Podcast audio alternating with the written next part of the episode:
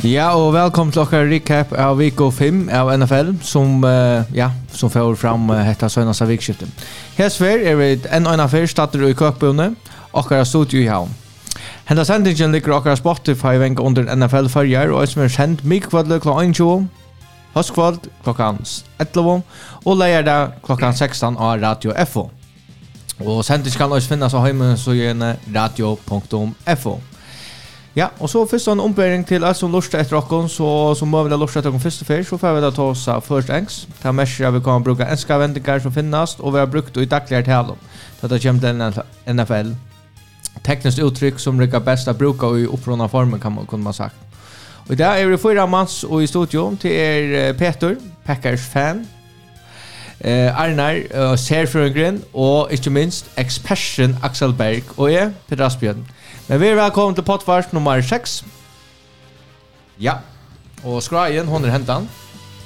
Tøyinder, og så takk av Trutja Dyster, Era Dyster, Power Ranking, NFC Race og så gissa vi Dyster. Vi lever bare bort til Tøyda, ikke det? Arne fra Tøyinders, jeg er fra verst til å være Serfrøgren. Ja. Er det bedre å være Serfrøgren eller Expression? Det kunde börja stå. Jag vill sagt att Serfringer här ser kunde inne för ögat till Bergs Bäster i Ja. Men uh, där eh uh, första head coach han är blev en uh, sackhaur eller rentor och jag vet inte om det är överraskande men det blev Matter Rolly. Han blev sett i 2020 och fick en tjejare kontrakt och Eh, och nu skiltar Patterson om 4 miljoner dollar. Han matchar tror jag. Hans stats er helt sprankan. Han er 11 og 22. Och den vän vennja i Panther som är vennja minjan tror jag. Eh, annars jag säger att Panther har dess tappt 25 dyster trekk. Her och skåra Sejjan Stig eller Moira. Och det har vi i Steve Wilkes som blir interim vänner. Det är bästa starv i NFL till en kort vänner. Men ungefär nu 845 000 dollar om månaden och jag åt. Jag sitter så ofta nu och Och annars är det heter vi oss framme att Catch Panthers nu tar och tar en en för präcka kanske college head coach Rick Ichu i NFL. Ja, det var en stor kanal med Roll Time kom in. Jag minns det är hej faktiskt hur vanligt till att han började skulle vara sett i Giants. Det han skulle intervjua här på. Eh han var först till Carolina till intervju Og det her låt en svær ut i bygningen, det går en kjempekontrakt, og alle ser. Nekva millioner, og det er en grad der som tror det er råkne vi. Men altså, det er reisende en iva som uh, uh, statistikker vi college head coaches og i NFL. Ja, då ser jag bara detta präkva där med oss. Eller detta präkva faktiskt här som som har vill jag vi att ta in att college uh, head coach brukar inte i NFL. Ja, man ser det också ofta att det inte ordentligt befruktet uh, sätta tar. Det är kört att som och jag kan kalla man det först alltså schemes som man brukar i college och NFL. Så det var ju så ganska det. Det är ganska kört. Nej, och så får vi till en man som uh, ankor här i någon, Jag vill säga att de har öra väl. Odell Beckham. Och när vi gitt om eh, Lee han får spela om, men vi kan kom till fram och en tweetaje. Eller Marcus Spears tvitaje och han gitt fem Lee som uh, han kunde huxa så här åt att hej Thomas Balt vi han har sagt sagt några kriterier. Och Odell Beckham uh, junior skriver bara vi ser eye to eye. Det så jag vet vi skiljer på en annan. Och till Heseline Chiefs, Packers, Rams, Bills och Ravens. Jag vill säga att hvis man är är särskilt också Packers, alltså har hej Nick neck för att finna Odell Beckham. Ali nu. Alltså hej kom till Packers. Ja, alltså jeg ger ju en en multiårskontrakt hvis, hvis det var alltså det var månaden men under sig nu att han inte skriva under ju den. Det kan ska er... Altså, han man skulle minnas last crossband i februar. Det, det är helt sikkert at han är klar igen för det er så det måste så ingen har skriva kontrakt igen den. Jag har också om att Tijan i fantasy men här så plötsligt nu. Men hej då vill ju han en Odell kom över om till Bills, eller Ravens. Chiefs. Chiefs. Det er 14 miljoner budget cap, och det är det är ikke gang som finner han. Resten av åren och gjerne en bak, hva er det? Rams. Finner han ett år, og kan vinne oss opp på. Ja. Er det Men nu får vi till... Uh, Kanske det är som, uh, som lockar mer än, än Packers eller Giants. Oh. Nu får vi till att det är inte en tojen där, men uh, Eagles. Alltså vi måste bara nämna det. Tar er alltså 5 och 0. Men Arnar hon har vi matchlet till. Ja, alltså Det är så läs i början av Arnon, Arnon liksom kan inte för gång, Arnon var för Lee faktiskt är stäsk i Arnon allt det, så, så James har strength of schedule uh, kvar Lee har, alltså det är så öre imisk kvar Lee har liksom rinka fixtures och kvar har lattar, det var det. Och dock det i Axel Jan efter det som att Giants och Eagles hade var långt överst här, det er inte strength of schedule, uh, Giants, at least som, som klarer seg, Ikke så vel fjør. Kommer från playoffs, men uh, tar stannet til 8,8 projected wins, som er enig. Og Eagles står til nærm 90 wins. Eagles som kanskje ikke er det sterkeste li i NFL, men det stannet til 90 projected wins i august måned, bare etter schedule. Og nu er det noen 5-0. Så det er altså Det kan vara fem lilla missvisa center hur stäsch lier. Det är nog slöst stäsch som hinlina, västlina. Men det är stadigt 5-0. Det som händer det är det att Alltså schedule train Lia vi är just så att du spelar först och främst tvärdes mot Ödlin i tunnare division. Så spelar du mot Ödlin i ena division och i tunnare konferens och Ödlin i en är division och i hinare konferensen. Ja.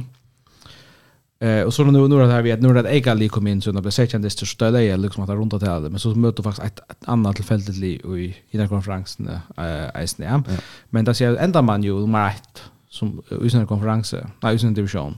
Så möter du bara ett där rum, eller så möter du hinban ett där någon. Och i time on division du inte möter kan man säga eh Så det är ju meningen. Så Chiefs möter ju, kan säger, en av divisionerna möter ett linje och så möter det ett här någon hin. Så det är Bills och eh, Colts og, og Bengals, han til dømes.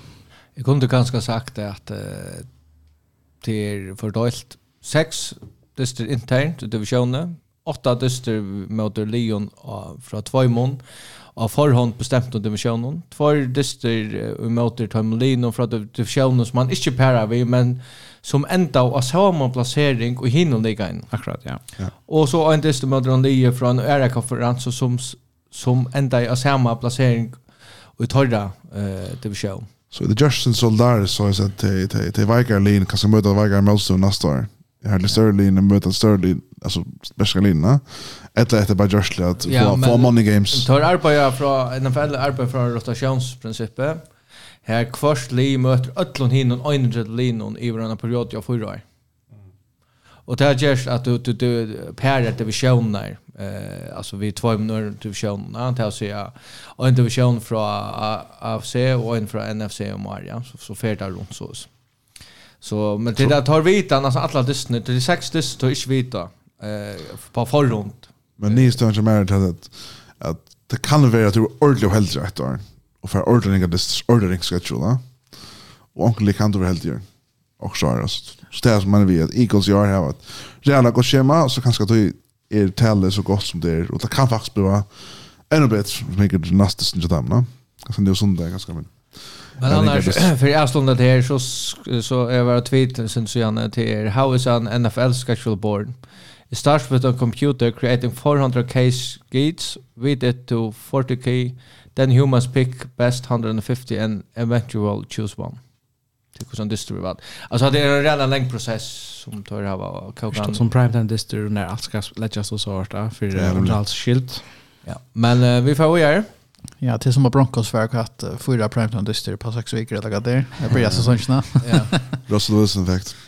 Men uh, Bill uh, Bill Belichick, man målar som uh, nämner han och just när uh, man uh, kan bara säga för sig Marin han dog så ett uh, kram Han möter en Lions som är det mest skårande i NFL. Vi har snitt ja 30 steg per dist. Men tar ända vi har tappat det så 0 Eh, jag heter bara det. Jag var ju på ta tog det också på att det var också så. Så för vi till Carls Broncos. Det är inte tog men han är så sövlig av vanlig. Ja, så vanlig han över tack han vi i sin segment någon här och här några facts från Disney. Ja, let's go. Ja. Ska be över lönen till Wilson. Eh Carl Brankos hava saman skriva sov vi hade första färnar sov i NFL att folk quarterback samman dyste kasta för över 200 yards. Men kvarkan Alino klarar skora ett touchdown. Alltså Ja, hade också första färnar sen oktober Sheyfors har inte touchdown vi skora. Shot om det var flyer sacks, flyer interceptions och flyer fumbles. Mm Sørsta det hendte var i tjeje første Bills vann 6 tror jag Giants. 6 tror. Eh, ikke så gjerne tror jeg fjerde, var Lee vunnet i åttan skåret touchdown. Charlton Coles kastet och flere interception og ble minst eh, 6 fer. Coles gjør det nekka som ånden gjør, så gjerne faktisk Coles gjør det. Det er Russell og Ryan kastet av fyra interceptions til sammen, og var det første fyrir i januari at det var fyra picks og ånden touchdown. Sørsta det hendte var det av Pena Manning ved Coles vann 26 åtta touchdown av Browns i 2003. Matt Ryan, han var säger han är kom nu lika för sig att det kommer fumbles i år. Ett lov för hemma han fumbla. Och är det mesta eh, så jag nu John of Fjärs och i första distan. Och så hade rocknat ut då. Vi heter heter det så kan han ta rekorderna för år som är 30 fumbles. Jag har Rockne där fram till att vi är sån rate nu så kommer upp på 23 och kommer ett landa. Ryan han blev sacka vår sex ferier hösta in och Matt Ryan har långt utav första femte som är sacka av 21 ferier och mist 108 yards. För jag för jag sett det av perspektiv så var Philip Rivers eh alla 2020 kappen går sacka av bara nu jan ferier och mist 118 yards. Och tar Carls tog uh, Matt Ryan till uh, Carls så också att han var ett ordentligt upgrade i Montlevens. Men att här har uh, Sean inte vuxit Om vi tackar ta som interception så har vår eh, Matrajan långt haft inte tjej interceptions men tjej pick sex ha? Tjej interceptions Jag vet inte Axel Gog. Jag vet inte. Sex, det kanske blir sex. Ja, det är. det. Ah, interceptions. Vi är. Ja. Broncos och i red zone. Broncos är bäst av 21,34 som bäst inte är det lagsta i NFL men det lagsta sedan 2006. Da Falcon säger konvers convert bara på säger jag kan 35 jag att ha rätt sån uh, turon. Eh man kan säga att uh, Wilson uh, är kanske en passer av snä. Så han är bara 2 och 18 och i passing och i en sån gör. Får ni pressa så. Ja, så man man ser här är här är verkligen kreppa vet nu i Denver och, och alltså särskilt när vi vi Russell Wilson alltså är är för, för att alarmklockorna är för när rincha. Man ska sätta sig ivriga på fem dister och i ett system vi en head coach som inte så här ska spela ut. Men uh, men Russell Wilson högt du näkar efter oss nej. Det eh ja, vi högt. Det hade punkt från det någon. Men vis vis Russell Wilson inte blir bättre än detta. Så har det er potentialet till att han mest katastrofala trade i NFL-sövn. Ja. Alltså du tradar två första picks och några spelare og senere han tegnet kontrakt. 5 år, 2,5 million dollar. Her som Broncos er beint nå, hvis vi kan gå ut fra at Russell Wilson ikke kommer etter til hans mann er, er det nekka li i NFL som har tidsi han beint nå, ved disse kontraktene? Watch. Nei. Nei, Nei, så, så for å si at jeg, beint nå, standard Denver Broncos, vi tog vanligaste quarterback-situasjonen i NFL. Hvis Støvan ikke venter seg. Ganske, ganske Coles. Det er ikke Så de var så gamla. ja, nej, varför säger då att kus kus kus kus lentet att sen till på ändå, va? Men annars är det inte vanligt att la vanligt också är som man tackar att vi tog inte att jag kan dyst så ser men han var simpelt han så han var så vanlig att dyst för overtime och en ta Broncos fan rumte och en overtime och så kom så tweet ut att Eh, det är så vanligt att Broncos via fashion vill hellre sitta 20 minuter i kö och motorvägen än att sitta och starta en hitchat overtime. Så vanligt var det Men ja, NFL London. Och vi tar två man man ser vi både som har varit till NFL London. Eh, Roger Goodell var ute och säger att London kan få två franchise i framtiden. Han öppnar ända upp för att en division kunde vara i Europa. Det är ju överhuvudtaget realistiskt. Alltså man tar så negvar om ett är vi har flyttat lite London. NFL har ju spalt så jag menar att det är som tjej att det har spalt årlig i London och det är en kämpesuccé. Alltså man ser att stämningen runt London District, alltså man, man förnämmer att de hickar ett som som du säger, jag Petra, jag bara är väldigt, alltså det är verkligen fight. Alltså, och, och folk kan gå på yta. Så det är liksom allt Europa som kommer samman om det. Det är skräck och så jag kostar värda för München, sättne. Och jag är... Um, men jag vet inte, alltså, hatt är en rädda god spårningar. Hej, För det första, här lik kunde vi i London. Så kan man ju ta oss om. Är det här lie, så, så, så ska det här lie färas alla vägen då i USA regliga. Och lie ska färas handvägen. Och där kan jag svära ringt får free agents och så till det här lie. Men en division... Kan det inte så långt färas? Ja, men du kan också, hvis du er i New York så er det så stor månader att flyga eller, East Coast, West Coast. Som er flytt, som är flytt från East Coast till London. Det är en en kvar tomma månad helt lut ja. London Packers. Nej, det har makt sista lige som för. Nej, sant. Ja, ja. Ta. Alltså är är halt det hade är ett AH värst oskott. men jag vet inte om jag söker NFL blåa eh vecka till 36 vill. Jag hade 32 är ett såra pent till alla så gång gång så väl upp för divisioner i conference och va. Jag också jag också att liv flyter här kanske så det. Jag tar det som ett liv, men han tar som ut som en division bara nu. Till fyra månader vi har en division där bara. Det här så så så spelar du ju sex dister. i Europa samstundes. Alltså två i London, ett liv i München, ett liv i Madrid eller också va.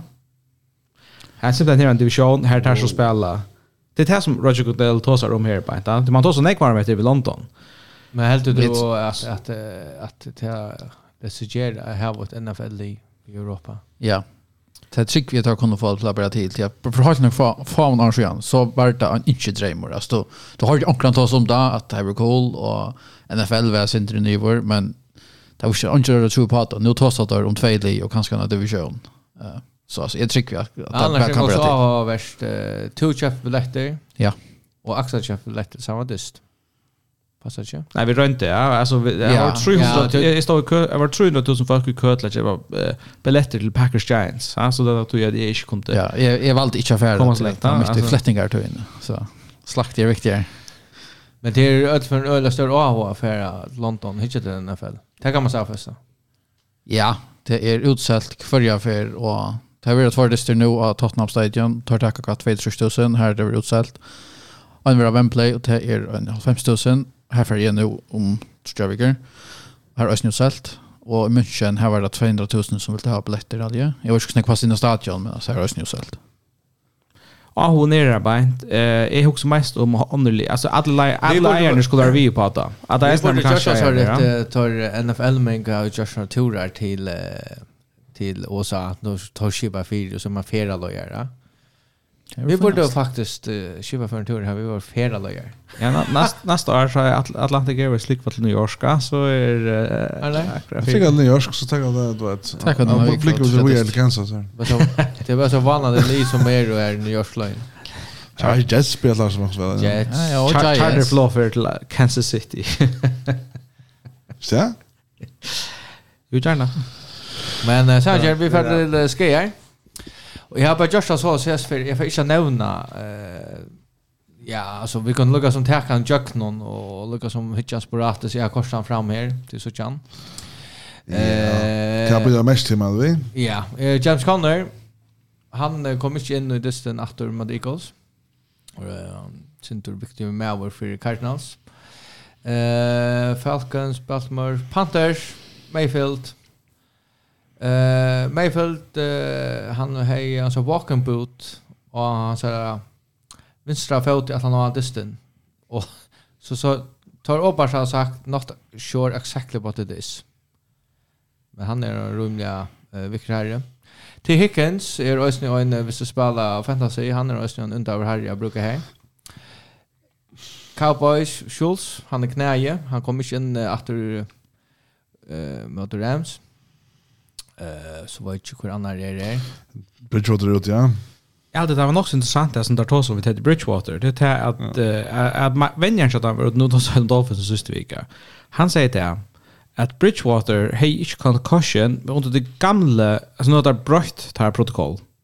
Under det gamla concussion protokoll så hej han Stoppa för spalt vi är Bridgewater. Kvar det gamla som det rött och Han tant så hade för en vecka igen. Men nu så är Bridgewater så blev han ruled out för distan och han hej inte hela gåskolta. Så det snäggar vi så tog med det. Det är tanke det blue bara vi heter server med quarterbacks i Miami som får hela eller lite få. Eh, Sean det man det är snäggar kan man säga balansen då är det helt ska på horse rank då. Så där kan jag en dist som där som där ju gör det i Miami som tappar mot Jets. så. Och annars tar den Armstead Han er offensive tackle, han är viktig här i Jadam, Jolson. Han får ut. Ja. Tyreek Hill kom ikke inn i første kvartar. Så det kan man säga är... Det är George då. Ja. Så vi är... Uh, Saints, Olave. Ja. Substidna. Jo, uh, han uh, ja, han fick en sånn støyt där då han uh, ja. hoppade upp etter bollen och... Helt extremt god. Ja, det var så. Tar då han också spela räcka? Ja. Det är källt att du inte räcker lika väl av sån här quarterback. Ja. Men Giants. Ja, det Han handlar. Kan se du om mannen jag där Barkley. Barkley han kom in natt. Han ja, han scorear game winning touchdown att han andra ska igen. Så han han är han good to go. Jag håller nästan tagga till er Russia Penny. Yes. Ja ja, ja. Han är ute.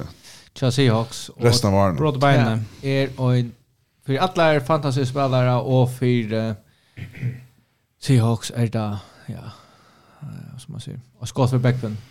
Ja. Och men i halt det såna Kelly.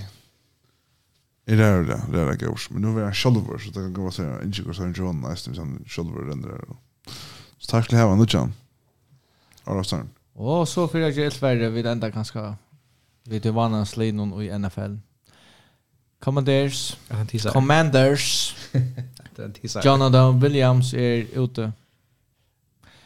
Hattar var skrener och vi tar till sig och köttjökna. Ja, då finns det mat kanske gärna då är att eh, Det har ju så att vi kunde bruka rymliga några på att här segmentet skrejer. Så stod att Lisa Isher, right? Eh. Jag vet inte. Cheese. Här då. Ja. Medical staff. Medical staff. 10 out of 10. Angie Linger vals nu. Det måste låta bort Arne. Låt allt skattar mot. Mahomes concussion och helst med benen mot Bills. Ja, och vad ska skatt Luke Arm färd till Dustin. Så må Luke nämna att det är två Titans som skorar ju fyra touchdown kvar. Ja. Vill du säga oj? Jag kan säga hin. Ja. Jag hade vunnit Nikolaj. Jag hade vunnit Nikolaj. Boyn. Ja. Charles Kelsey fyra touchdowns. Det som helt fyra touchdown. Bara rushing allt. Nej, han är han blackar ut. Lägger ut run 2 och ett uh, fumble recovery touchdown. Jag har längt touchdown run. Ja, det går skott på den andra distansen. Men att det är Det talade ju fancy där. Fumble recovery. Touchdown? Ja. Nej, nej, det var inte touchdown. Det är bara fumble recovery. Ja, ah, okej. Men uh, han uh, han blackar till hinne tight end. Ja. Ja. George Kelsey där. Han är ju en tight end till där. The end zone late in this first half. Here's Barkley, another end around. Wanting to throw, Bellinger's going to keep it himself.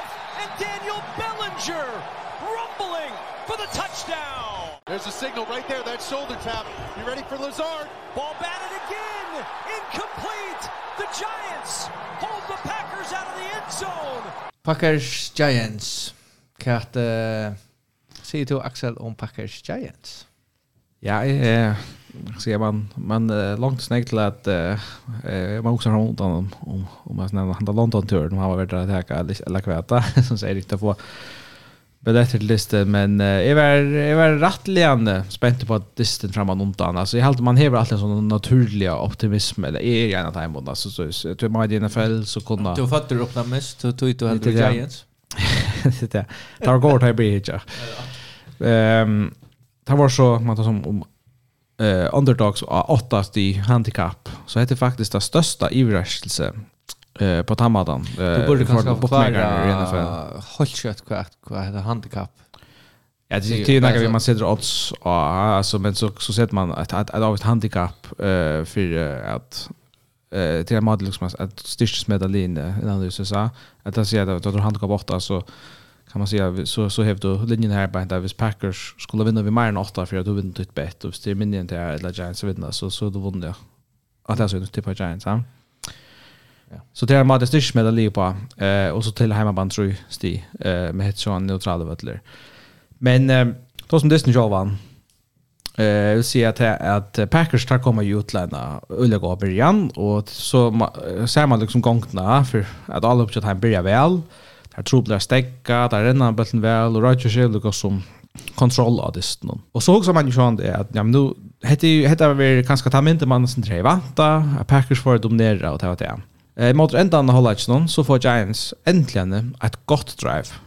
Uh, Harry Daniel Jones er full sving, Og det enda vi har sort, uh, at, at, at rush touchdown på en sånn lekran double reverse til din tight end. Eh och man färdig som sin momentum vi hållagstövan är 20 toucher och andra hållager tar dominerar Giants fullkomligt Green Bay. Det är ett nytt liv som som kommer ut där bänt. Eh tar här var toucher possessions. Där field goal, touchdown, touchdown, three length drives. Tar totalt vänta i sin eh eh time of possession. Jag hade här bara 12 minuter i första hållaget.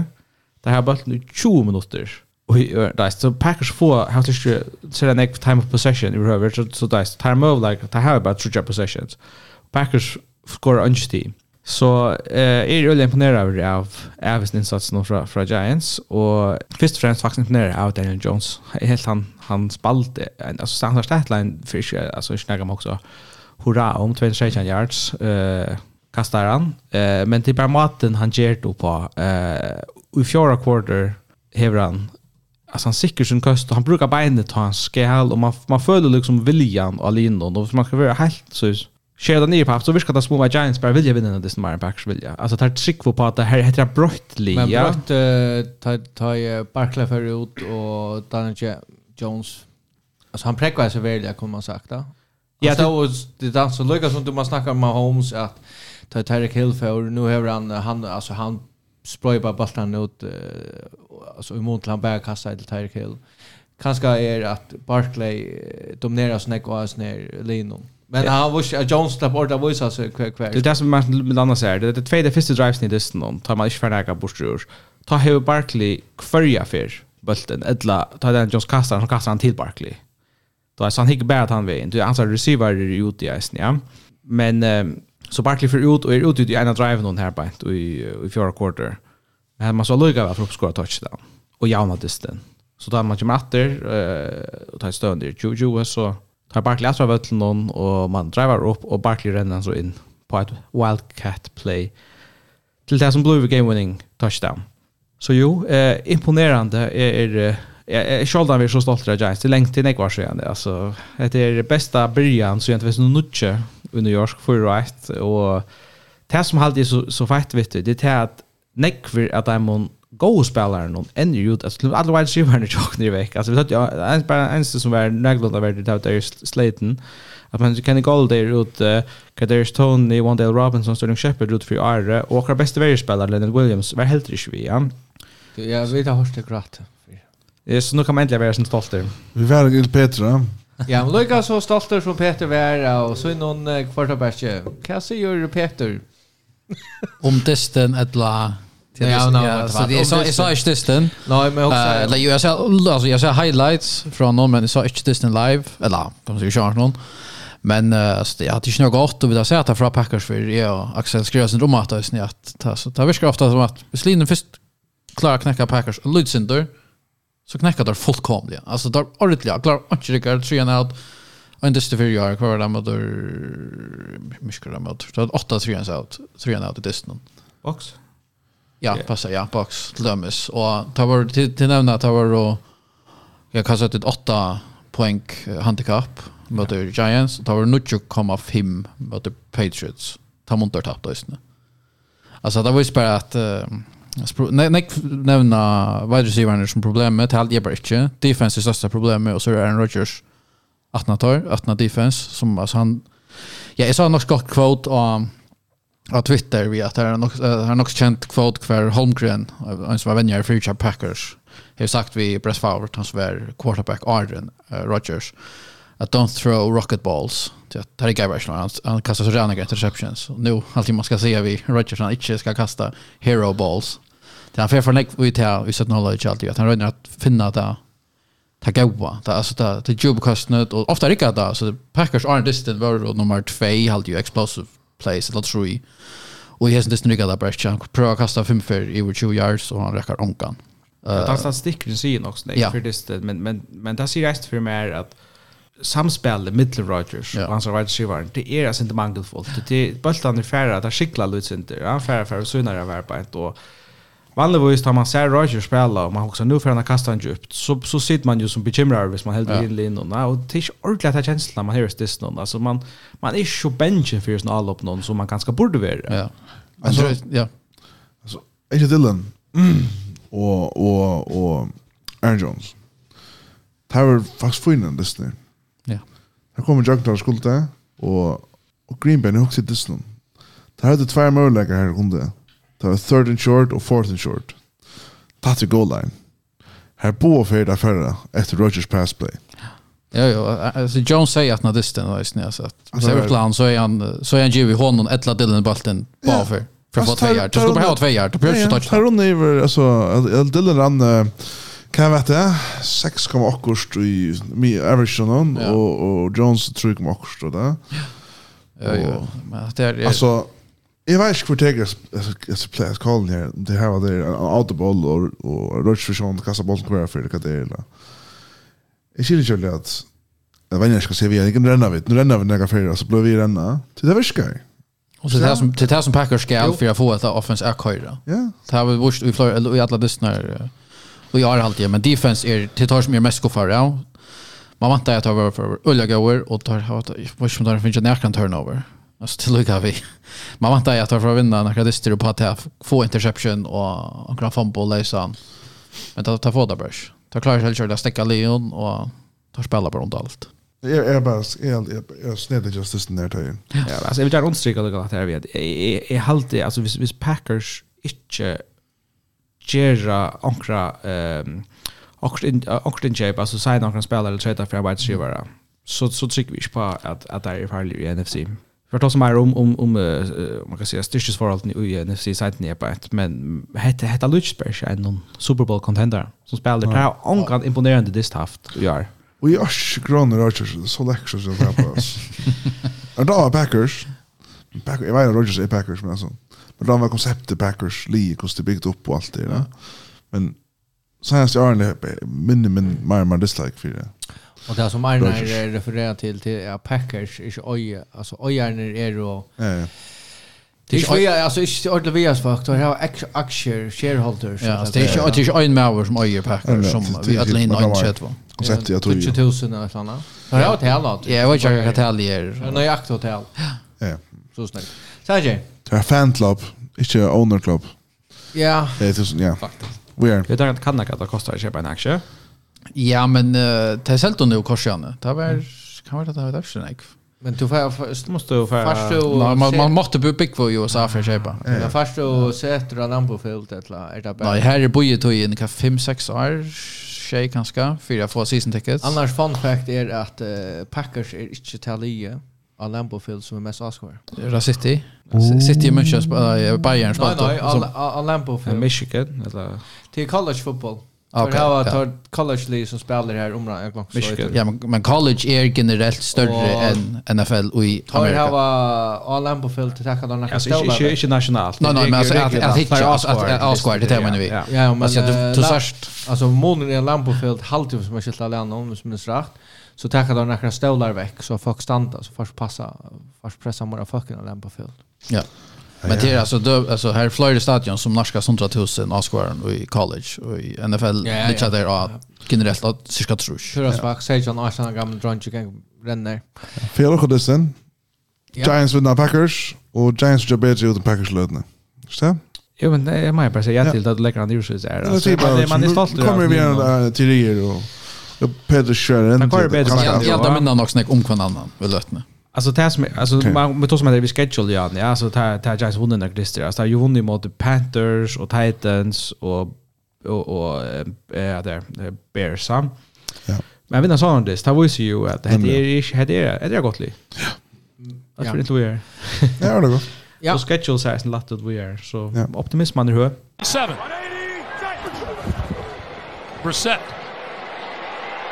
Dodging tackles, on the move, throwing. Oh. It is ah. intercepted at the goal line. Picked off by Alohi Gilman. Missed, Missed it.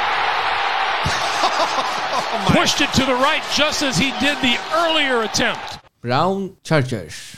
Altså Det er som jeg har hodla litt sett av hvis Disney, er det er hvordan vanvittige er endene av Disney. ja. Altså, jo, Disney ganger, altså, det er alt fram, hvis du lukker och lägga för att line upp här till Labrans där är jag såg att första noll Chargers kom efter eh uh, det vill säga förstan och det är ju kort rent där så för en fjärde kvartal tar stövan 28 till Browns. Så det är spännande fjärde kvartal vi får in nu. Browns har bulten vid två minuter efter. Vi uh, innanför touch yard linjerna till Chargers. Att vi vid 2 mån av third and shay. Och Jacoby Brissett kastar en interception att du play någon. Ja. Tror att han för vi två månader ska bara ha field goal för att lägga det åtta.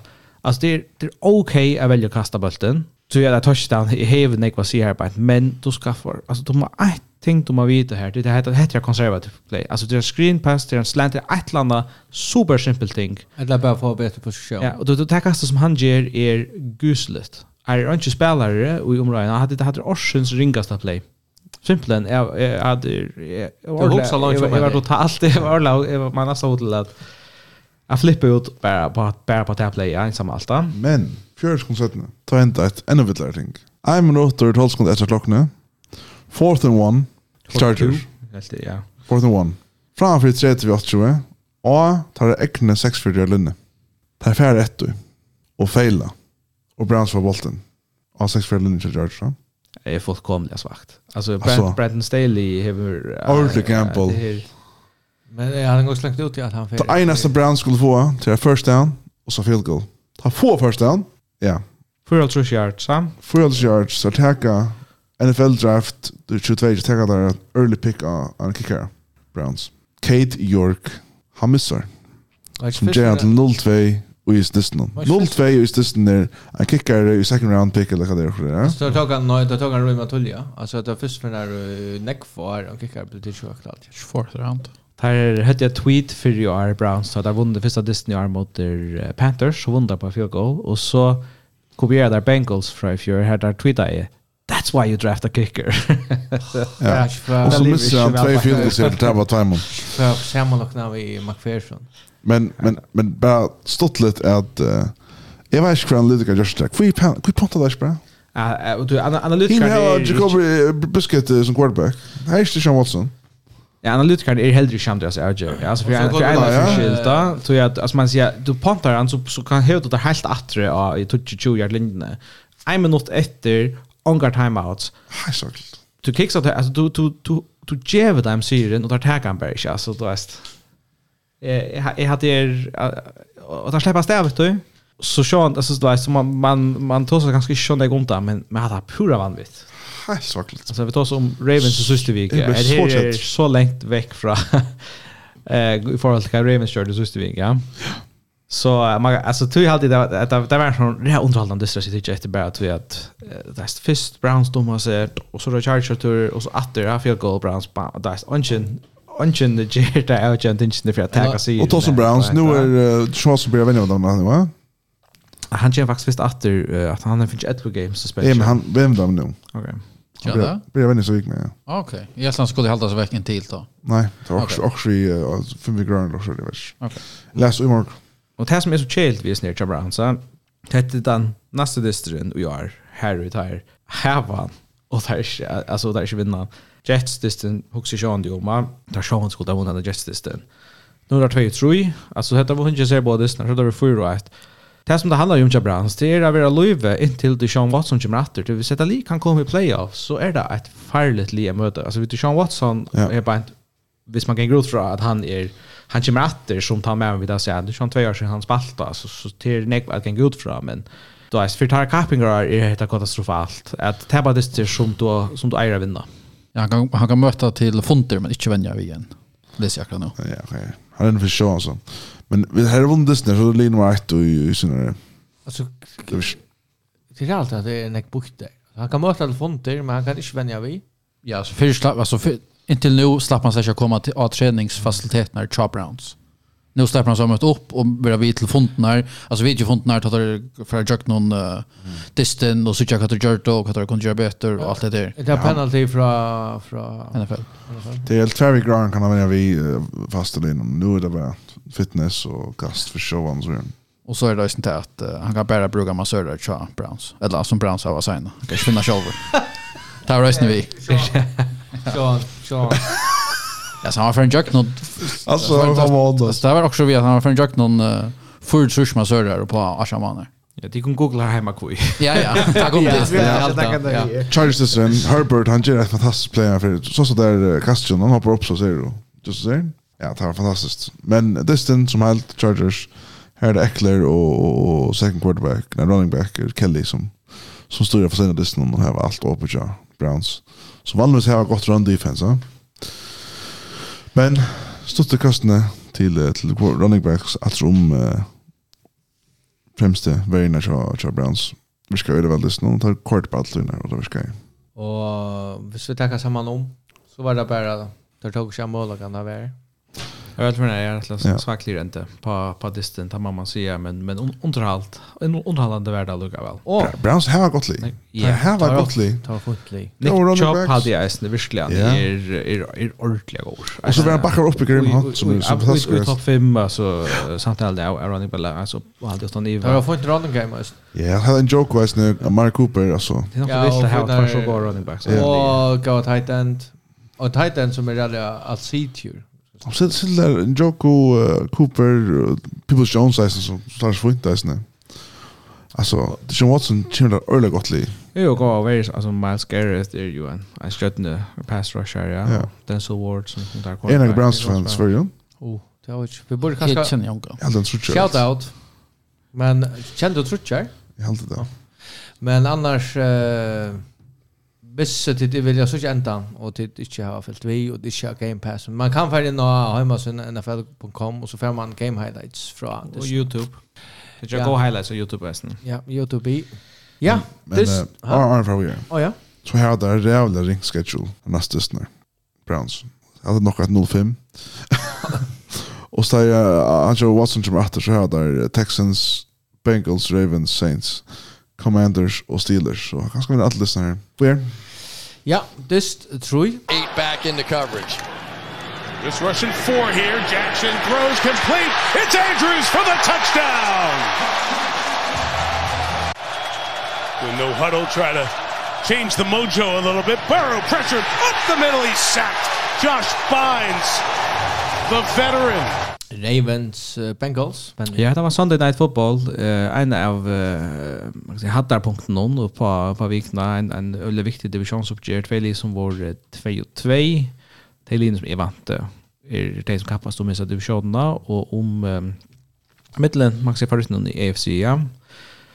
og Distri var kanskje ikke så, så offensiver som vi skulle tro at han var. Men han var, var veldig underholdende allukka. Ja Eh alltså gång till det någon till han att att Ravens tar tar på som det bättre lie och och lägga sig åtta touch noll.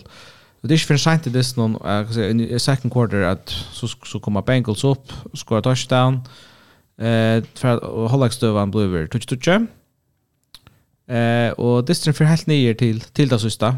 Ehm Ravens får två field goals, Jørn Hollage och så har Bengals möjligheten att göra ett drive mot ändan dess någon. Eh Och äntligen han tar halt över skulle man säga Burrow han han är um, han är bara han bara så usak halter och, och goer i sin onkarna sån i outjant löten som är i distans. Som man ser virkelig, han är han är gjorde han go han till det är han fenomenal distans spel så i rörna säga men men till sist så så gångt det väl och han förde ner banan och så tjänar att, att quarterback sneak till touchdown vi tar mot rätt så han skulle lyckas som sympast här på men Men så att han att det så så har Ravens ju möjlighet att få upp och göra ett game winning field goal och ta det Lamar Jackson som vi ser han ice i för för att att outgöra såna dyster. Och det gör faktiskt vi benchar Eh, något som man gör bästa. Så visst när man kan gott uh, göra 2 minute drill vi uh, vi benchar till att uh, eh Sean Spurnish man Lamar det. Kan han vinna dyster för det vi är för armarna så eh jag tycker vi var han gammal men det kanske här han manglar att präkva sådana ik men men han han häver ju några enlikar som för helt eller ingen annan häver tar vi två som är renna eh och tar blev ju han är ju sån där snur kostar så just och så ändade vi ett 3-4 yard field goal av Justin Tucker Best kicker i NFL. Han är ju Och han har han har gjort en NFL rekord. Ja. Vi har snär. Han omkant då i halt eh vad ska nummer att här field goal där i trush yards, men han har sprent och trush yard field goal i. Ja, sån kickar som att det är är undermätt. Nutch är det. Alltså tack för att NFL alltså Nutch är det. NFL rekord simpelt. Ja, men alltså jag hörde också han ta som ett Erik. Åtta nutch va, va? Ja, det var kom bort nu eh alltså det kom bort ut nu så att det för faktiskt körde vi men han har ju en NFL rekord på så snack trush yards plus field goal. Ja. Han är off 11%. Ja, ja. Jag hörde en sån vinkelvis ner vi alltså går ska gå så Virus Mitchell han är alltså som som kickar han han är alltså bäst ut för att det är hooked i NFL. Vis Ravens fick bjóa first round pick för han. Helt det slapp sig av, ja. Ja. Ravens hade. Alltså det måste nästan det vart det. Då är det han det är så mycket virus Mitchell förli. Alltså jag bara till till Ohars för kickar ja men men vi är är är störst alltså i Och i honom, det är det ankarna blir dessen kickar när Det där där är ju alltså det där och han är så säker som, som nägar kickarna nägar det ju värre. Ja. Men jag är inte, inte den bästa sen för Jackson, va? I en MVP-race. Mm, nei, det, det er det ikke. Altså, Kvartsen er dem som synes ordentlig briljerer.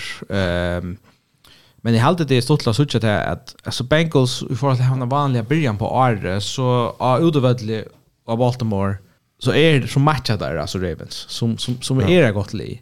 Så det ser jag snacka för mig att, att Bengals är i atter.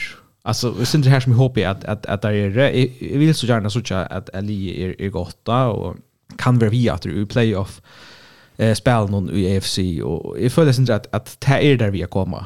Det var det Lee Fjord av det podcast det var det liksom där i raskande Lee som ändå allt så på då. Så men jag tror just ut som att han ska kunna kunna challenge efter så playoff spot där också vi få att är Hvis ikke first seed så så får det wildcard här i Center Division. Får vi kjøtt til det neste segmentet, eller? Er det så? Er det nækka tid vi vil takke fram om hvis vi blir... Jeg har jo åkt som är helt vara helt. Det var en call som uh, Reiter fick. Roughing the passer, så det där. Det är sista att jag vanligtvis call i näkran luna så. Ja, jag jag har ett annat call. och Ja, två var det viktigt någon. Ja. Det var det och defensive holding. Vi en field goal attempt. Eh, ja, men det är allt säkert. Och det var som viktigt play, ja. Alltså jag vill aldrig säga verkligen haft holding. Det var rättliga viktigt. Eller det var ju viktigt. Det var ja. Automatic first down. Ja, automatic first down, ja. Och så missade bollen och tar för fyra downs och så ska det touchdown. No. Chiefs. Men att holding så är inte jag prövar hitta och jag fänger det och jag också bara kvärt och så ser han defensive holding nej roughing the passer och tar vuxdomator och det är Falcons var välja och inte att dame verre Falcons enn uh, Tampa Bay. Jeg tror det var Så Det er en regel med at du ikke må lette vekten av din quarterback. Ja, quarterback som du tacklar och det är pillbojt. Alltså om du ska man ska man ska bränna där i fullträna kassa, inte ska väckt nå alltså du. Så just det som just. Nej, Här för när det hade han var slångt där, just det. Jag alltid Chris Jones. Här är det väkten som gör det. Mer är bollen i handen. Men lugga för han dömde för roughing the passer. Ja, och det play call helt nästan var värre. Alltså Chris Jones i allt tid där ringa så. Take bollen och alltså han han skrev han första Maron som ja. för roughing the passer men han shoulder here bollen. Ja. Tog de säger nothing the passer säger han. Som en quarterback, jag quarterback säger han. Ja, han själv Rodgers rösten vill jag McAfee show det och ta som att det är. Jag ser på stövnar. Han säger att det är ta vera kanske synte för väl vart det men men det är faktiskt Rogers som är orsaken till hans den här regeln här på ett tror jag hans regler bröt det tar en ske som Rogers fick mot Vikings för några år sedan här han blev tacklad ordentligt driven ner i hjörna av väkten i Charisberg när han bryter Ospancha så här.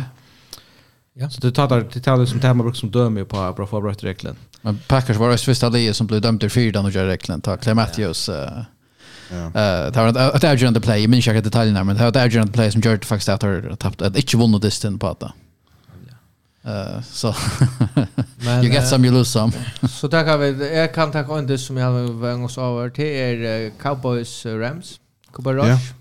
Det är ett luxusproblem där här att att han ska ha eller helt han är väldigt stabil. Jo jo jo men alltså defense better Cowboys så nek för att det är helt helt otroligt alltså. Är det bästa defense i NFL? Ja ja det är alltså per spelare ska ha är alltså game chance Michael Parsons är alltså helt han går. Alltså hur man Donald görs. Ja alltså han han är vittler är han Dexter Lawrence är en en god defense och så eh Trev Dixa och där cornerback ute så inne som är så här stöten. Det heter Super Bowl level eh ja. Eh verja, verja och sjående alltså Cooper Rush har spalt väl eh, men det är alltid det verkar som att liksom från definiera en spelstil. Här verjan tar och lägga Disney jag säger. Ja, om jag måste andra någon. Men alltså Cooper Rush är inte vet jag snacka om han är inte så big Alltså big plays men han är han är alltid han gör alla få foiler. Han är klokare. Ja. Han han han behöver så jag big uh, big money plays alltså i river som som Rodgers uh, Eller tack. Bueno Geraldina. Tack tack och Eller tack Prescott var han ska alltså så gott ut var det. Kul rush också bara Lee. Alltså jag ska ta man bruk för det. Cowboys. Jag spelar som också är vinna det sen och just så spelar jag. Jag behöver vet han som som för mest uh, spotlight där med River. Och han har nog talent till att göra det här som en vilja. Du då har två Orla running backs, i sikkerhet Tony Pollard, og så hittar han ja. går receiver ut i eisen, ja. Men som jeg minnes eisen, tar Dak Prescott, eller inte kanske inte han var bäst men tar Cowboys var best, så er Dak Prescott tog över. ja. Det var ju iver, han var en fourth round quarterback som tog över till Tony Romo ble skatter, ja. Og för där så til 12 och 4, nummer 1 side i NFC, ja. Eh og då han var nog så senere for kontrakt Dak Prescott. Det var så redan ikke må huske är han Das är han han som driver lige eller är han das är det allt allt spelar runt om han som ger han blå goer. Och nu så kör vi till en öliga stormon att lige runt om är faktiskt till gott. Och ta ta ett Prescott över mest effektiver. Det är faktiskt han hur just minne. Kan det nästa eh och det är kanske här man ska också att till att Dak ska kanske sucha gus Cooper Rush spel. Kanske ska vara lite mer försiktig. Jag ska fördela bollen mer. Jag ska inte jag ska inte Sjolver skapar stinchen i hepa. Jag kan lova för att det här som mest när vi sagt vi är nu och så gör det och och hvis det nej ut han ska steppa upp så kanske han han bättre mer att steppa upp på Jair place and Cooper Rush och is ner viktiga tingen alltså viktiga ända end game spel. Nästa det står Cowboys över Eagles. Ja. Och ta hvis Dak Dak kom schatter då. Det har onka grund till att be han kom åter så att säga det det och han han ger mig chimch åter. Det vart man helt. Det prövar sig rush åter. Men när andra det står oh när andra det står till vill jag tacka fram. Det är Chiefs Raiders för Slimmers. Ja. Ja, alltså det tar ju några dagar nu. Till Raiders, ja. Jag åkte det snön. Jag vaknade där första noll. Jag kör sått lite men Men så vaknade ordentligt att du så. Så kommer det Chris Jones, Ruffin the Passer play og så blir det field goal 2-0 halvleikar. Og ta play var så åndsvagt at menn var sevætjer, og Oscar var sevætjer. Og jeg råk vet at det løg liksom flatje, gjør han spark av Chiefs lige. Jeg får holde igjen, ordna alt, og så knuster det seg av Men vi så ikke finnes jo defensive holding mot seg her i field goals attempt. Men alltså alltså Raiders har väl några möjligheter att få även så i stad. Ja, men sånt här möjligheter att ta receiver den i nuk från annan att sista planen och i desten och va. Ja, backfield Chiefs är så bästa det på. Så hela tiden var Adams Renner och kan låta bollen och blunda inte. Men det här var en tvär rookie uh, en rookie cornerback och en rookie safety som faktiskt doppelteamade Adams och det kunde inte göra något vi andra. Det var första för när att Ali som har haft bäge rushing och passing i 100 yards och bära ponta ut fair för den distna och tappt dist. Ja, och vi ska stäcka Chiefs här.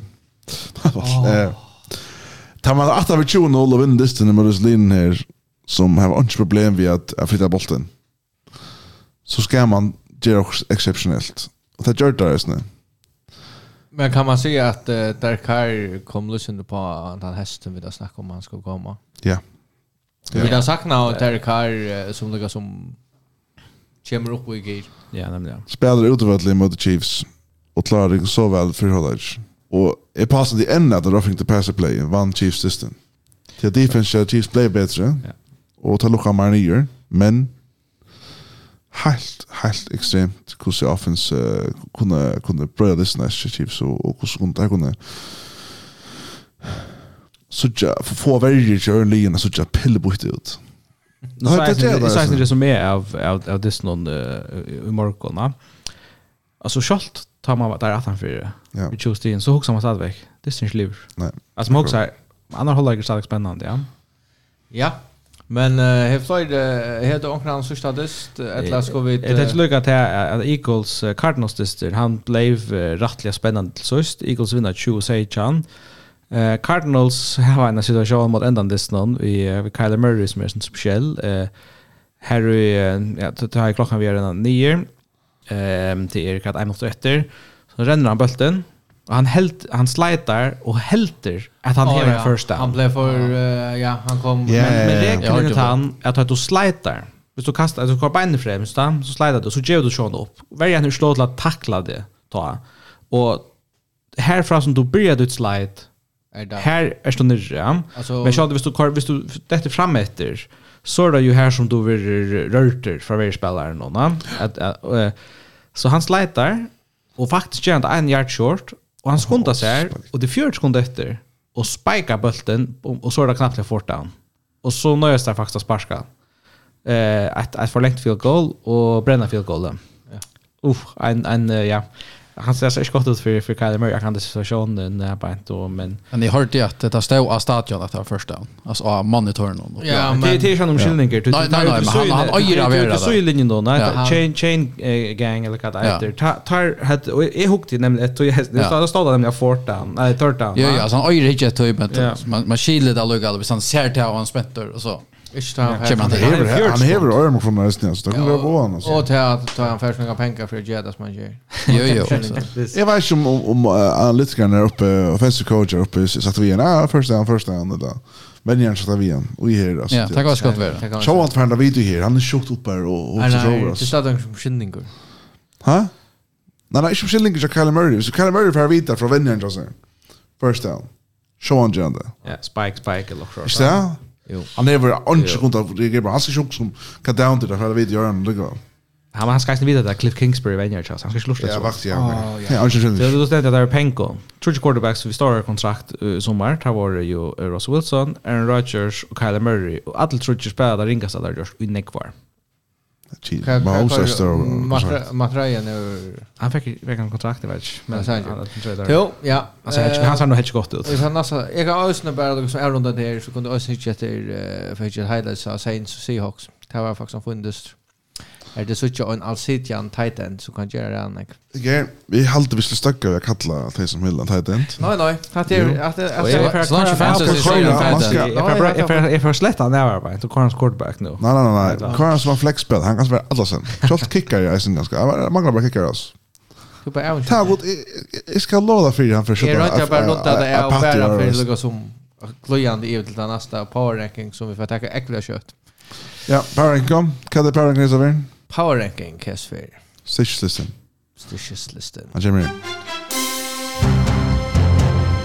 Ja, Stitches listen här för inte en power ranking i och att man kan sagt att Bills är nummer 8 Etla Eagles nummer 8 och Chiefs är uppe i topp 3.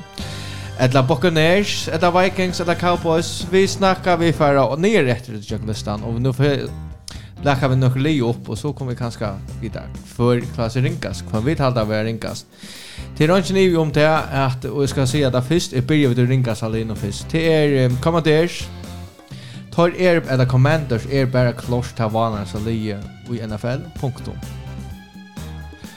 Så spurningen om man ska tacka Seahawks och köra till som Tannas var så lige. Ettla tar er åt för den här nere. Vi kan kanske ha våra centerfitter och vi placerar då i mitten. Ja, Panthers. Han är Matt Roli i färden ut. Vi kan se att här är det här näst ringa Salia så kör vi Seahawks bara. Och självt om Gino Smith är finnor så är uh, värjan vanlig. Helt otroligt vanlig. Lions. Här kommer så täcka som uh, fjora. Värjan, självt om då skårar. Och så spåringen, är det Bears, är det Steelers, men uh, jag hade vi tacka Steelers som tar femte vannas av ligan. Alltså otroligt timing han tjocken nyss ner, ända näs ner. Men lukka mest till det att heter allt som träna. och det är bara winga kvar för. One take. Kusse vidare vi där det ändar oss. Vi, vi har annan annan som så visar uppe som KVF sender där han tjus sekunder efter så betyder det ner så vet man när räntar ja men flott över det blir spjut. Ja, lägga vet. naturligt. Vill du kommentera på ranking Luke Arnold vad gör det? Ja, ja, vi ber kommentarer för det kött. Tacka liksom. Oha ja. Ja. Det är väldigt igen. Han kommer ut och säger. Problemet är quarterbacken. Kvar vem jag till vilter det det är ju helt inte så va så att alltså kanske vet vi anchen är också en damer han säljer väl alltså han men men stadig li är ju inte gott. Det är bara Carson Wentz så skilt där jag om han han har något vanligt place i vikskiften någon ehm det är alltid har en coach kasta sin quarterback under bussen så nutcha quarterback anta som man själv var. bussen ja den är som man trädar för ju va som man träta så rymnador, vill sagt. Ja, det är det är vilt citat. Eh, jag hade jag lugga väl alltså Panthers back nu, alltså vi Baker Mayfield, I stand Chris, alltså alla be så här så så gusligt då där snä. Ja, jag vet ju alltså här så blir ni hade jag för när är det två nyaste och det är nog så väl och virligt än tvåde var det linjen för att då. Och så tänkte du se också här, nej? Ja. Oj, så det är ordentligt kontroversiellt där. Men eh. Jo, men jag hade faktiskt jag har faktiskt uh, Ja, nu säger det nu. Jag har vejvat och känner smittet i en lika in. Det är alltid han faktiskt spelar ordentligt gott. Jag har faktiskt varit överraskad av honom. Bara, det nyttar inte att Oin spelar väl och allt annat spelar av Ja, nu Jack Jack väl så ser också Brian kaffegaren och och Nick Tosa om att jag är det Wilson problem med och Pete Carroll eller liksom är faktiskt finare. Men annars är det här att jag kort se och är kanske att shout out till några som vi känner väl. Han kan komma att defenda detta Seahawks också liv som vill, hvis han tar det. Ja. Vi kunde kanske lucka lägga dratt nu att uh, Legion, Legion of Boom vill ordla dodja. Nu har där uh, signa Bruce Irvin till practice squad. Ut det, Ja, det? Ja. Jag läser nu, jag läser nu att Twitter med jag med att titta på. Ja. Men värjan är katastrofalt där man och här helt helt helt helt galet. Eh Lions Goff och Amasa Brown och John Adams, Jan Swift, så ren läggare, men värjan är reisande. Kallas det må vara så kärligt att vara vara vara i allops passion och tja Lions. Ta klara sig faktiskt åtta så stod men ta klara sig ordentligt gott och så hade bara någon så skräpe vanan där just. Ja, och så och så Steelers. Steelers som faktiskt är nog spännande på. Det är helt faktiskt att Kenny Pickett kan bli ordentligt god. Och att det här funtligt runt om man. Det är min mening. Det säger det här Ja, i halt det här ordentligt gott liv faktiskt. Men hade du att det är Arja McTomley för att blå rent ut just Steelers? Nej. Han är skort. Tack för att du lyssnade och ta för gång väl. Mark my words. Eller Rebuild och Arya Diamond. Jag kommer playoffs. Jag ser det nu. Annars spelade kvar. Spelade kvar i i draft någon ja, Bryce Young med landa från Alabama som som trycker faktiskt vid ordliga år. Eh stort att det var spännande så jag ganska ja, Commanders, Panthers. Alltid. Commanders för att tänka nu alltid. Nej, men ser så, så att det är quarterback så jag månad bättre ut i år i draften än i fjör. Absolut. Är det också att, att, att, att, att Commanders och kanske Panthers för att tänka när det gör. Men, det är faktiskt önig upp och alltså vänta nu, NBA i Rorsen där. Arne Kapic börjar, så tar så lång, ejer långt om att tänka allt Ja. För jag får den ena ur uh, Frankrike som, som ska vara ja, ja, liksom. och en Banyama. Ja. Alltså, Arne Kaplan blir jag sedan är för loppet att en datorstjärn så får han. Men det, det, att det, det, det, det, det, det, det, det, det, det, Så kanske kör Baker Mayfield ut eller ett annat att uh, Sam Darnold eller PJ Walker kan komma och spela på yeah. Tampa Bay. Så det är Wednesday sen till Giants då. Men Sean det är du kan inte tappa det du vill ju i NFL till att till spelarna tar tar missa arbete jag så att det spelar lite så där så tar tar spelar för sig själva och alltså där kappen kanske när. Och så tackar vi ett uh, rally shot NFC standings. Ja, så där så vi får göra bara för att som alltså NFC alltså jag vill säga vi vi tar om Arre akkurat preseason är bara inte kusin NFC för oss ju och vi är nog alla synde försynare kan man säga det heter heter jag det överraskar halde är ehm query Lee är det starkare. Jag hade det synd riktigt att söka en greja favorit i NFC. Jag så vi lukar kanske jogging divisionen helt stort kan vi vänta här bänt. Eh och så kommer vi ta Kommer du bli det vekaste divisionen? Jag tror blir det starkaste. Kan du spela vekaste? Ja. NFC West. Oha, okej. Okay, det var alltså det nog det vi sa det var den starkaste året, va? Ja, verkar så här till. Ska se där. Ja. Alltså Rams eller look at uh, en record där. För Niners 3-2, Atlinline 2-3 inklusive Super Bowl vinnaren från Rams. Rams så chapa elendig ut. i rut. Alltså här till alltså där där få där tappar grejt mot uh, Cowboys vi Cooper Rush. Och alltså det det där där så inte skäll imponerad ju. Vi har ju sett i fjör. Att liv som var svingande. Så vant den huxar kat kat är det för näka och så knappt blir mot den där någon så väntar där ett landa och köra ett run här på inte. Ja. Är det och huxande att Rams inte kommer playoffs? Nej. Är också det kommer playoffs där till där försöka samma nu så gör det det där alltså defense är så stark som det är och Helt du kan komma som helt du kan wildcard kanske? Wildcard ja, det gör det. Jag vet vet inte faktiskt. Uncle wildcards för you är NFC East. Tack Garoppolo är quarterback för NFC North vill jag ästen tro, men ja. Men men ändå med Active West är ju luggar inte så det är för andra hörne. Men men vill du se att också för Niners tar tagga det vi sjön Nej, jag ser att det kan gått ända vidare än synd att för Niners är helt störst ut. Nej, men man ser att Öttle ser för alla in i Charleston vid Kors jag kan se också också lätt att alltså har jag faktiskt öll fyra linjer här va kunde vara divisionsvinnare. Ja. Ja, så Seattle vill inte vinna divisionen då. Det fäller inte. Alltså det Seattle vill vinna divisionen. Men Cardinals i förhåll till alltså Cardinals vi då som går illa där gånger så hem och allt alltså tar vi in. Ja, ja, ja, men alltså är vi server så är det också östen vi. Ja, så det här är liksom truligt alltså för Niners har missing quarterback. För Niners har missing quarterback. Ja, ja, Cardinals var och Rams har haft en vanlig början på armen där. Ja, det är intressant att checka för den där Ja. Nästa ja, så kan jag ta vid ganska starkaste. Det starkaste himmeln. Den starkaste session i NFL bara nu. NFC East. Man pratar kalla kan vara det Mark Sanchez säger heja ett citat. Stärskaste NFC. Han säger NFC East they went from NFC least to NFC beast. Ja, NFC missle du du vi fokuserar på NFC är alltså. Ja, är inte bäst i NFL alltså. Ja, men bästa du men men Eagles 5-0. Hey, hey, hey. Commanders Cowboys 4-1. Fyra distrar har vunnit sig en dag förut. Och Giants 4-1. Ja, men tar här Washington Commanders. Tar här var Sickersvin. Tar ska spela man Commanders. Ja, det spelar. Jag hade bara Eagles att mött Commanders sen tog jag gör lockshort. Ja, men men Alltså Cowboys har här Alltså Eagles, uh, du nämnde, vi nämnde här där schedule här på ett, alltså Judas Ram och Cowboys, det var en fight this there. Så här där Steelers, Texans, Commanders, Colts det näst alltså näst för Disney ja. Hetta li kan gott. Alltså jag måste säga akkurat nu till närmast rynta sucha för sig. Att Eagles inte vi är nummer 1 seed i NFC. I ötlen NFC.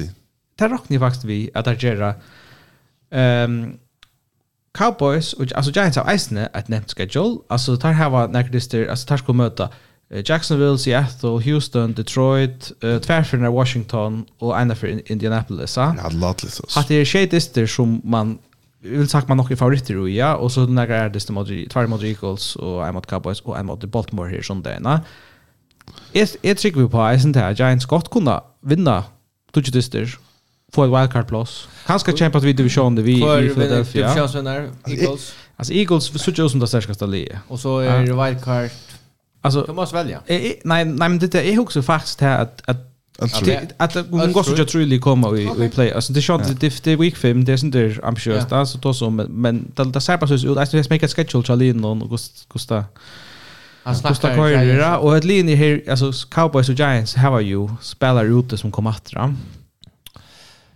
Tackar kött NFC North, ta movit. Ja, så kan jag standing här till Vikings 4-1, Packers 3-2, Bears 2-3 och Lions 1-4. Ungen ser imponerande ut där. Skvarspackar eller Lions eller Vikings eller... Jag inte, Vikings faktiskt har turned around. Det är faktiskt inte vanligt. Nej, jag ser inte att det är vanligt. Alltså, eller det är här är det. Det är bara alltså, inte så ordentligt spännande ljud också. Jag säger att... Det blir att... Det Jefferson är kommen och börjar komma av vård uppe i Det är det, ja. Ja, det har varit tydligt större än Vikings. Det är ett gott momentum, alltså.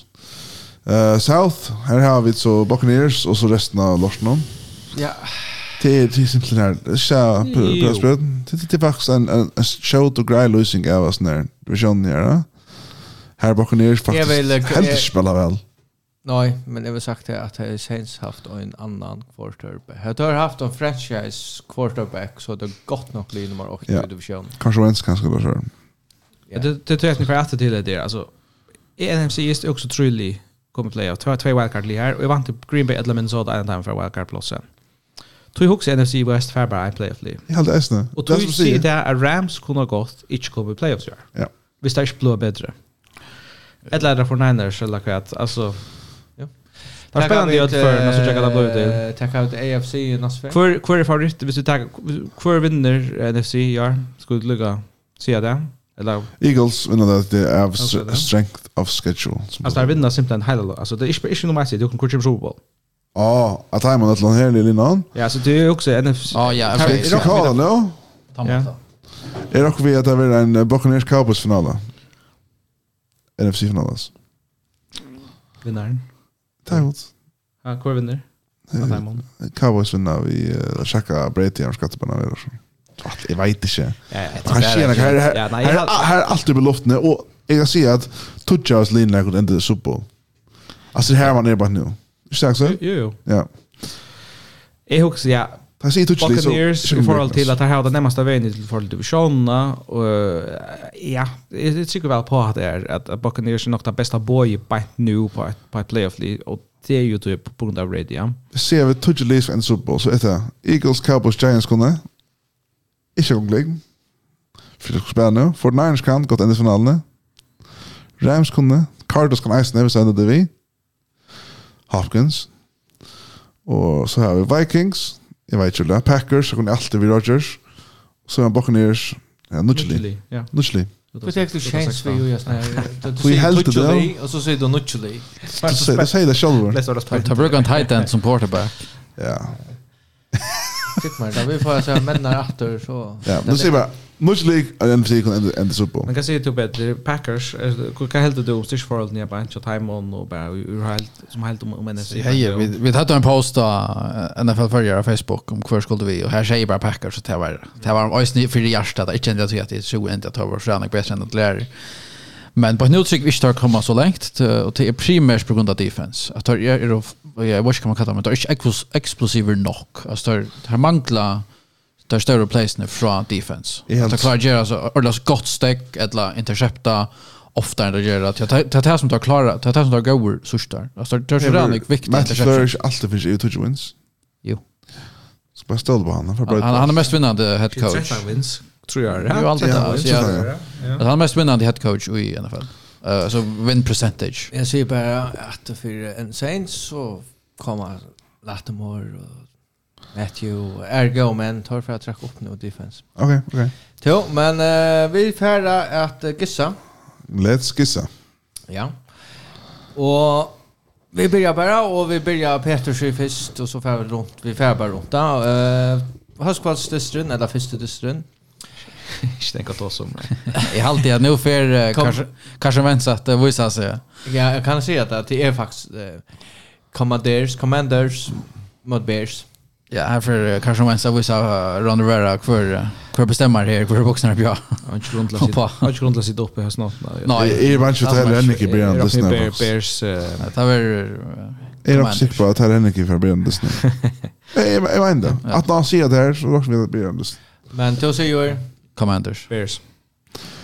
Bears. Bears. Fortniners Falcons. Fortniners. Fortniners. Fortniners. Fortniners. Patriots. An annars, annars för vi är. Du plejer gissa det som vi inte ser. Ja, men... Och du är nästan alltid skarpt. Jag tar vad för. Jag säger Jets uh, sista veckan mot Dolphins. Säg det bara. Vad är det? Ja. Men... Uh, det var bara prick på det. Men det är bara att jag jag vet inte jag är gockna. Men inte, inte Jimmy G med det Matrajan. Ja. Patriots, uh, Browns. Browns. Kursa Browns? Jag säger Browns. Arnar Browns. Jag kan nog säga Patriots. Ooh. Men uh, ja, det, ja. Patriots. Jag säger Browns.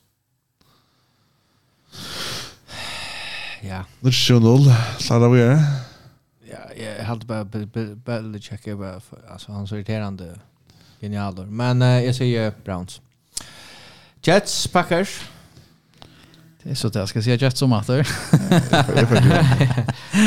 Ja, jag vet Packers de matar väl. De move. Det tar resa sig. Jag bara inte jag. Move. Jets. Oh. Bara för att vi möter ett lag. Nej nej, jag har Jets vinna. Packers är ländlig. Jag säger Packers. Jaguars Colts. Alltså Jaguars dominerar i senaste dist i Jacksonville. Jag är först. Jag ser Colts och John Taylor Martin. Alltså Jack Schock och några länder mot Texans. Wow, jag ska det hänt det här med några Men Texans har vunnit så sist och åtta de inte förna mot Jaguars. Okej. Tulliga Colts. Ja, jag ser Jaguars. Ja, jag ser Jaguars. Det är bättre att Trevor Lawrence. Vikings Dolphins. Tua uter vantar man. Bridgewater. Han ändrar ut det. Jag vet inte hur hon. Ja, det rockar han kommer att. Okej. Det där så att jag hade tjejer nästan. Jag ser bara för att Jag ser Vikings. Vikings. Ja. Dolphins visse Bridgewater spelar. Så till det för att tro någon till tro tro. Åh, Jesus, akna. Bengals Saints. Jag vet inte. Bengals. Jag vet inte. Ja, Bengals. Jag ser vi hjärtan någon och hela någon Saints. Ravens Giants. Jag får se Giants. Ja, så vi drar hemmabana och Arne har kallat dem Super Bowl contenders nu så det det måste det måste Giants. säga. det är väl kallat Safety Garden. Det är med allt optimismen där. Det måste Ravens. Vi ser Ravens. Buccaneers, Steelers. Nu kommer det. Nej. nu kommer det. Oh, det är hopp där. Jag förstår Steelers. Och jag gav och går och Och han tackar vi nästa podcast så vi tackar Buccaneers Steelers-listan och Steelers-journalisten. Jag säger Buccaneers. Ja, det tar Charlotte där sånt där. Buccaneers. Jag vill säga då Men Så här Steelers skulle snäcka från bank mot der Bills så där tatt vi tre stil. Ja, Bills är nick nick nick nick nick. nick. Men till mot med Jasta men jag säger faktiskt box. Men det har alltså handikappet på det deras minus 8 här på ett Fyra fina pengar natt så kör på Steelers. Tar du det? Yes. Kenny Pickett till Pickens. Panther Rams. Rams. Alltså det är sån ting du tar en interim head coach tar över tar Sam ofta ett lig orligt kommer fight. Look en av gick så wow nu nu nu spänt efter men nej Rams vinner bara. Det ta ta mod där. Alltså det är full blown kris av LA vis det stärs vinna. Och John Mayfield som Kan du då? Jag säger Rams. Rams, alla Rams. Nej, det är inte Rams, va? Minns du Arna? Jag säger Rams. För nek några år sedan, det tar Packers var det 14 och 0 lockshort och så mötte där Chiefs som var vanligtvis i NFL tag. Ja. Och då där interim head coach Romy Cronell tog Everly Och där ända är det perfect season. Ja, ja. Men jag ska inte jag kan säga det jag är inte överraska över Panthers är kanske så vanliga som vi där vi ger där till. Nej. Vi kan det. Det har fått folk. Cardinals Seahawks. Seahawks. Ja, Cardinals. Ja, Cardinals. Jag kan spotta sig också. Jag ser Cardinals. Så det är det. Bills chief game of the week. Alltså game of the season simpelt. Och så ska vi det så att det är tillbaka in i förra ett. Neck vad säger för sidning. Alltså då är du med som tiebreaker när det är på inte. Vad säger du Arne? Chiefs in overtime. Is yes Chiefs. Vinna coin kan så. Ja, det är det är Arrowhead så så så det är Chiefs. Nu färdig och säger Bills vinner. Josh Allen. Oh my god. Ja, jag vet inte. Ja, ja. Och då vinner coin toss till overtime. Tänk det här med Josh Allen som, som quarterback fansen nu oss. Cowboys, Eagles. Cowboys. Ja, jeg halte tar av verja kanskje, at det tar den, den största utfordringen Eagles kommer til hvor jeg er, jeg skal ta som en fight this, det er sånn den er fotball godt nok, men... Cowboys accelererer mot uh, stationary quarterbacks. Så spelar mot uh, flytande quarterbacks. Så blir det klart så väl för utan uh, Kyle Murray men men men är det också lugga vad Cowboys start. Jag ser Eagles. Det är jag är Cowboys. Ja, vi var inte bättre Eagles. Så det är det. Det är vanligast lite näkran det var Denver Broncos mot Chargers. Så är det. Tata dysten folk allt. Nej, faktiskt någon spelar om dyster ja. Ja, Chargers. Chargers ja. Broncos just går ut. Chargers och Det var det for okken, og vi søttes til Ja, og i neste vik, og vi kanskje får mannen, kanskje får okken gjesten, men søttes til